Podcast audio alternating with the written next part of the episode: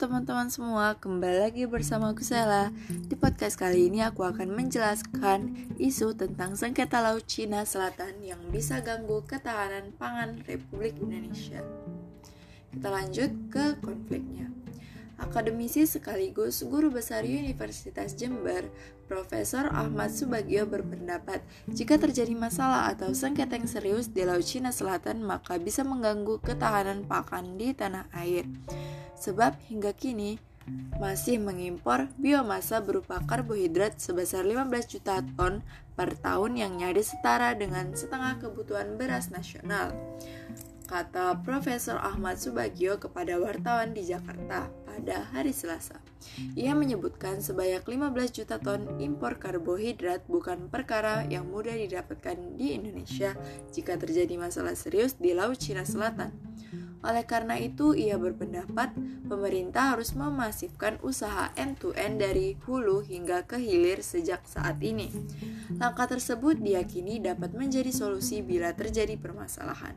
Subagio mencontohkan saat perang gerilya pasca kemerdekaan yang dikomandoi oleh Jenderal Sudirman, Indonesia bisa menang dari agresi militer Belanda II berkat adanya suplai pangan.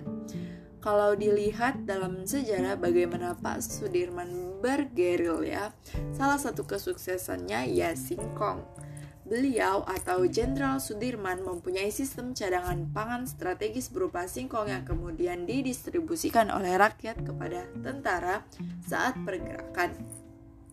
Sementara itu, pengamat pertahanan dan hubungan internasional dari Universitas Pertamina, Ian Montratama, mengatakan kawasan Laut Cina Selatan terus memanas hingga kini Hal itu ditambah pula adanya kemitraan antara Australia, Inggris, dan Amerika Serikat untuk membangun kapal selam nuklir, nuklir untuk negeri kanguru senilai 1425 triliun.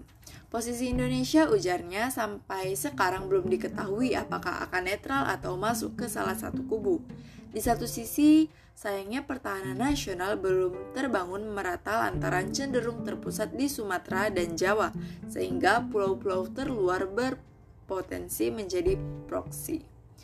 Ian berpandangan dan mengingatkan Indonesia bisa saja menghadapi ancaman dari musuh yang masuk ke dalam wilayah dengan perang gerilya lantaran menganut sistem pertahanan dan keamanan rakyat semesta pemerintah harus mampu menyebar kekuatan ke wilayah-wilayah yang sulit dideteksi oleh musuh dan harus didukung kantong-kantong logistik baik berupa senjata, amunisi, hingga pangan. Di sini dilihat benang merah kenapa sektor pertahanan dilibatkan dalam food estate untuk membangun kantong-kantong logistik.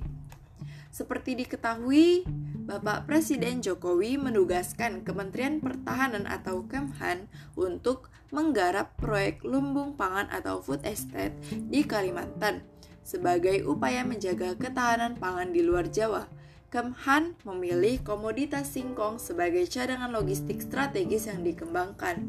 Pada tahun 2020 hingga 2021, Kemhan menargetkan pengembangan cadangan logistik strategis dilakukan di lahan seluas 30.000 hektar di Kalimantan Tengah pengembangan kawasan yang telah dilakukan Kementerian Pekerjaan Umum dan Perumahan Rakyat baru sekitar 600 hektar di Kabupaten Gunung Mas.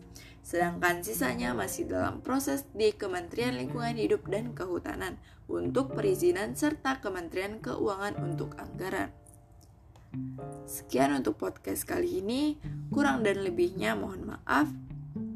Sampai jumpa di podcast selanjutnya. Bye.